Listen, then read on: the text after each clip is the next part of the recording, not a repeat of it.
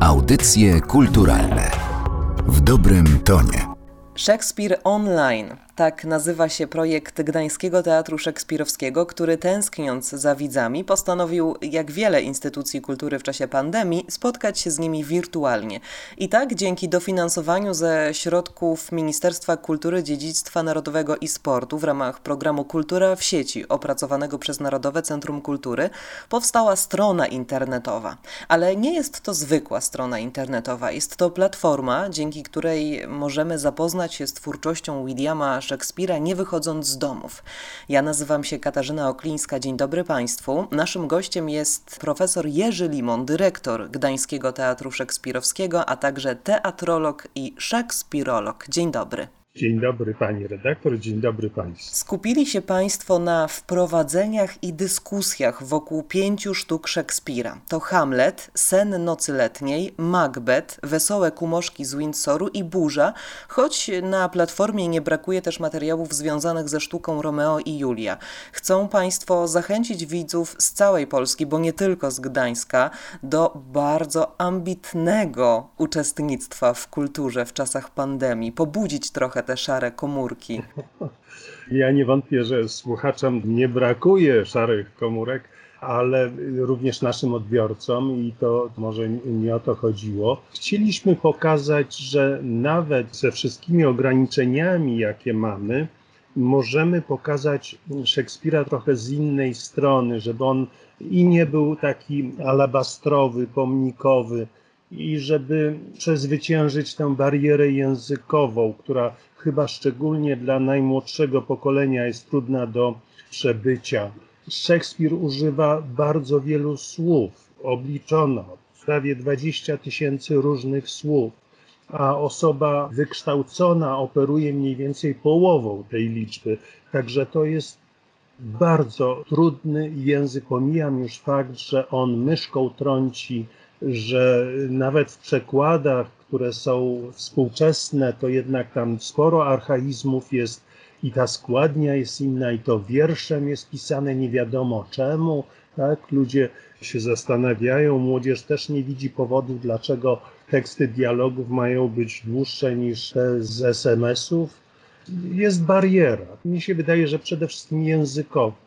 Chcemy to przezwyciężać nie tylko podsuwając rozmowy na temat konkretnych sztuk, nie tylko tłumacząc niektóre zawiłości, czy przedstawiając tło danej sztuki, ale właśnie pokazując, że te sprawy, którymi Szekspir się zajmuje i o których ten tekst traktuje, są wiecznie żywe. Dopóki człowiek myśli, dopóki człowiek czuje. Tu do Gdańska przyjeżdżali aktorzy angielscy, za jego życia grali tu sztuki także szekspirowskie i w jednej suplik, jakie złożyli do, do Rady Miasta, piszą oni w ten sposób, że nasza sztuka będzie trwała po wsze czasy, dopóki świat istnieje w mowie i obyczajach. Tak oni piszą, przekonani o, o tym, że teatr będzie zawsze istniał. I coś w tym jest, no, tylko istnieją bariery i naszą główną rolą jest, tak ja to widzę, przekraczanie tych barier, czy tworzenia takich wzierników, przez które każdy chętny może spojrzeć i zobaczyć, Boże, jakie to piękne światy i jakie mądre przy tym, prawda? Bo tutaj tej mądrości u Szekspira jest, jest dużo.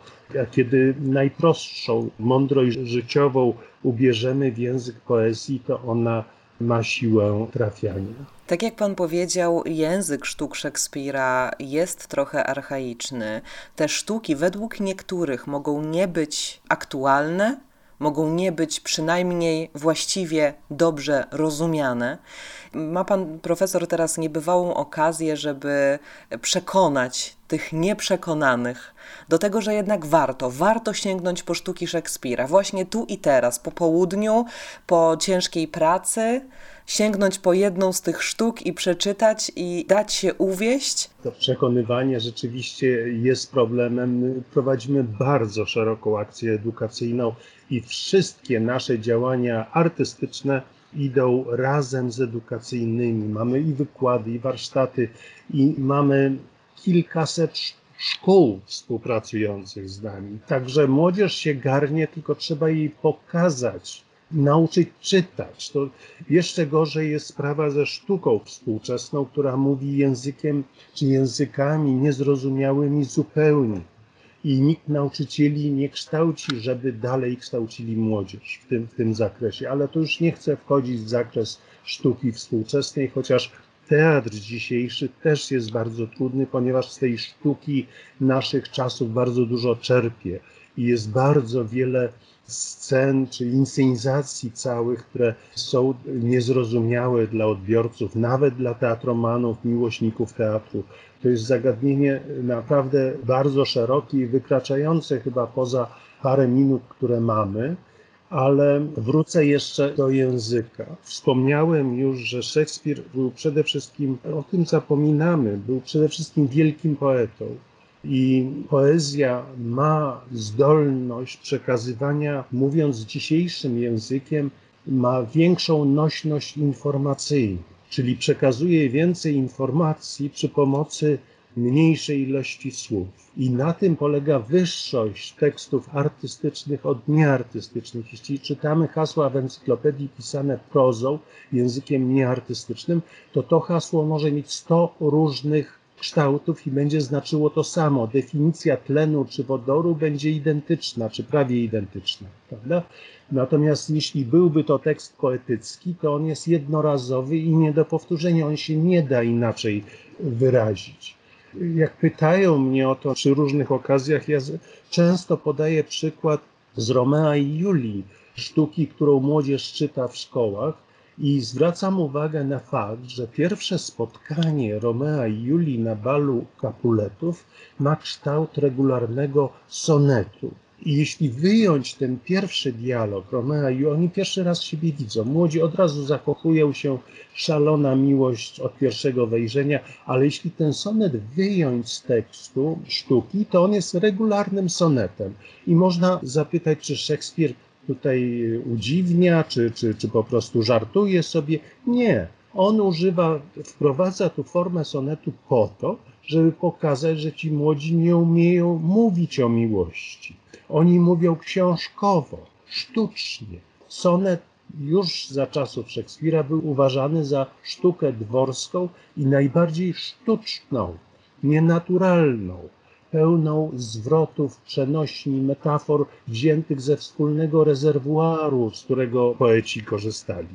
I, I on miał tego pełną świadomość, dlatego ten pierwszy dialog onieśmielonych, młodych ludzi, onieśmielonych uczuciem, jakie ich ogarnęło, oni nie umieją mówić o miłości, bo nigdy jeszcze nie mówili tego od serca. I dopiero później, parę godzin później, kiedy spotykają się w ogrodzie, słynna scena balkonowa, tam przechodzą na inną miarę wierszową i to jest już język najbardziej zbliżony do języka codziennego. Oni już odkrywają się, już, już są naturalni. I tu pokazuje właśnie ten sonet w pierwszym dialogu Romea i Julii pokazuje więcej niż traktat psychologii młodych ludzi. Więcej w tym sensie, że tak skrótowo, od razu to jest podane. Oczywiście odbiorca musi mieć tego świadomość. Jak ma świadomość, to, to właśnie w ten sposób odczytuje. I oprócz czytania literatury zaczyna obcować z psychologią. W teatrze tradycyjnym przynajmniej to jest ważna sprawa, bo teatr tam mu, musi być jednak jakaś przekonywająca rola psychologii postaci i tak dalej. To dla aktorów też jest bardzo ważne. Aktorzy zawsze dopytują, a dlaczego kto co powiedział albo zrobił i są dzisiaj trochę niepocieszeni, bo teatr dzisiejszy od tej psychologii odchodzi i często zachowania i wypowiedzi postaci nie mają związku z psychologią postaci, tylko raczej z postawami ideologicznymi. I kontrowersją, niestety. I skoro jesteśmy już przy teatrze, to chciałabym Pana zapytać o Pana, jeżeli takie są, ulubione inscenizacje sztuk Szekspira. Może pokusiłby się Pan o wybór trzech, pięciu lub e, dowolnej liczby najlepszych według Pana inscenizacji teatralnych w Polsce? Bardzo dobrze wspominam inscenizację Ryszarda III, ale to był spektakl telewizyjny w reżyserii Feliksa Falka. To było wybitne przedstawienie z wybitną rolą Andrzeja Seweryna w roli Ryszarda III.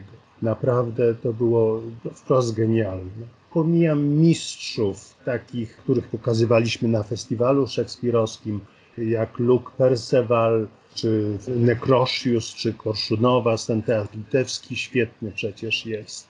Ale powiem może o innym, które nie chciałbym, żeby ono zupełnie było za, zapomniane. Taki reżyser w Polsce dzisiaj zupełnie nieznany, Wiktor Kramer z Rosji pochodził, zrobił genialnego Hamleta.